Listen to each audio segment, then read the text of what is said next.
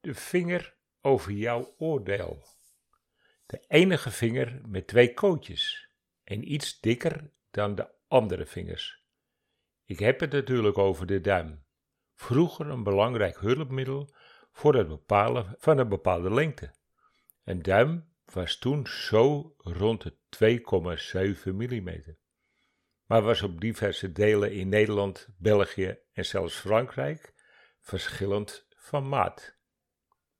En wat er zo grappig is aan die duim, alleen het topje van je duim kun je je andere topjes aanraken op dezelfde hand. Er zijn ook aardig wat spreekwoorden over de duim. Eigenlijk dus een belangrijke vinger. En ook bij vingerreflexologie is die heel belangrijk. Waarom? Dat vertel ik je graag. Hoi, leuk dat je luistert.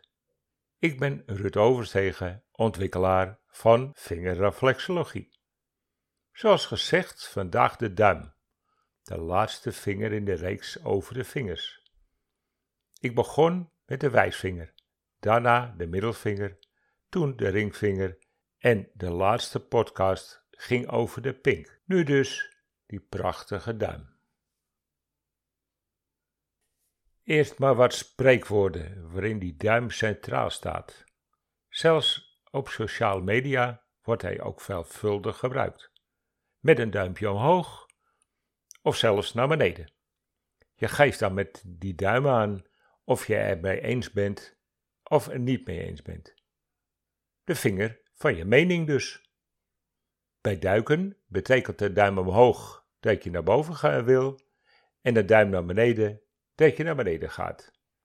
Hoe belangrijk de duim is, merk ik aan de vele spreekwoorden die ik gevonden heb in mijn onderzoek naar die vinger. Wat zuig jij uit je duim? De duimschroeven aandraaien? Met de duimen omhoog? Geen duimbreedte opzij gaan? Duimen draaien? Duimen voor iemand? Iemand onder de duim houden? Iets op zijn duimpjes kennen? Misschien weet je er nog zelf ook een paar. Maar wat ik zo prachtig van onze duim vind, dat we tussen duim en vinger iets vast kunnen pakken. Eigenlijk zijn we er als primaat daar uniek in. De meeste diersoorten kunnen dat echt niet. Daardoor kunnen we onze gedachten overbrengen naar anderen. We kunnen dat wat we in ons hoofd hebben via hulpmiddelen uitvoeren. We kunnen door middel van gereedschappen onze gedachten in materie omzetten. Met een pen kun je je gedachten opschrijven, veranderen of voor het daggeslacht. Met een zaag of hamer kun je dingen bouwen. Tussen duin en wijsvinger kunnen we besjes plukken of van druiven wijn maken. Je kunt zelfs door die plaatsing van die duim je eigen gewicht houden als je aan een boomtak hangt. En dat zelfs met een kootje minder in die vinger. Allemaal mooi en aardig, maar wat is er zo belangrijk aan die duim en, en zelfs muis voor vingerreflexologie? Dat zal ik je zeggen. Hoe starter je in het leven staat, hoe steviger je muis aanvoelt en bijna niet in te drukken is. Je hebt een muur om je heen gebouwd. Heb je een krampachtig leven achter de rug, zal het dus in de duim en muis terug te vinden zijn. Angsten, fobieën en onverwerkte emotie uit je verleden zijn daar hier voelbaar. Kijk maar naar de vele spreekwoorden en gezegdes over diezelfde duim. En dan heb ik het over de rechterduim en muis natuurlijk. Want die kant heeft te maken met je denken en je herinneringen aan vroeger tijd. Gelukkig hebben we ook nog een andere kant, de linkerhand, en dus ook de linkerduim en muis geeft het andere kant van je weer. Je intuïtie, je creativiteit, je eigenlijke pad. Jouw unieke toekomst dus. Maar daar de rechterhand door de meeste mensen actiever gebruikt wordt, raakt de linkerhand steeds meer op de achtergrond. Het zal daarom duidelijk zijn dat de meeste creatievelingen dus links zijn. Ze gebruiken die linkerhand meer en zal daardoor ook het creatieve en de intuïtieve deel van het brein meer geactiveerd worden. Het nadeel van die linkshandigen is dat ze meer gevoelens van anderen oppikken. In mijn geval had ik daar in het begin van mijn leven last van, totdat ik bedacht dat het mijn werk zou kunnen zijn. Met mijn gevoelens die ik voelde van anderen, hen adviseren wat misschien wel beter voor hen is. Hoe meer je op je intuïtie en je creativiteit vertrouwt, hoe meer overzicht je krijgt. Voor mij was dat verbindingen zien tussen vraag en aanbod van anderen. Ik leerde jaren geleden, nog voor ik met de vingers aan de slag ging, dat de ware kracht zit om iets voor elkaar te krijgen in de tussenruimte zit. Dat zal ik je uitleggen.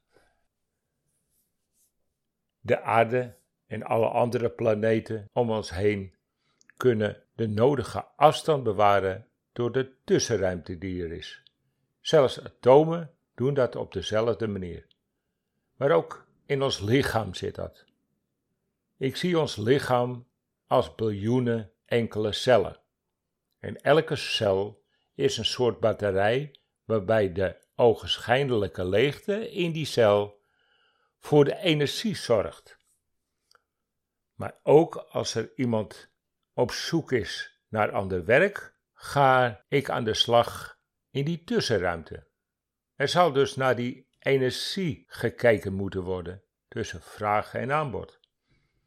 Als je begrijpt hoe de natuur zichzelf in stand weet te houden, kunnen we dit ook toepassen in ons leven en in ons lichaam. Tussen de delen zit dus de energie. En nu terug naar de vingers. De rechterhand staat voor het wat geweest is en de linkerhand voor wat zal komen. En ertussenin zit de energie.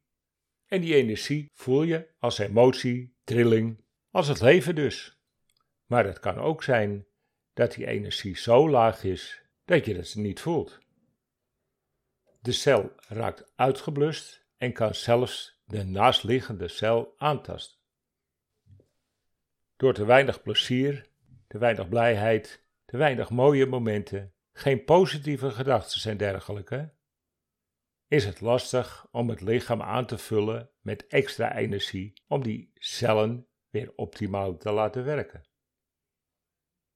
Voel je dan de rechterbuis en is dat bijna niet in te drukken, zal die energievoorziening niet optimaal zijn.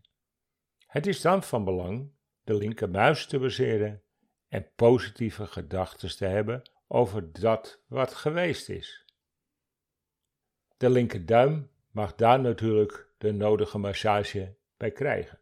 Massage doe je met de rechterduim en wrijf je flink over de gehele linkermuis en duim.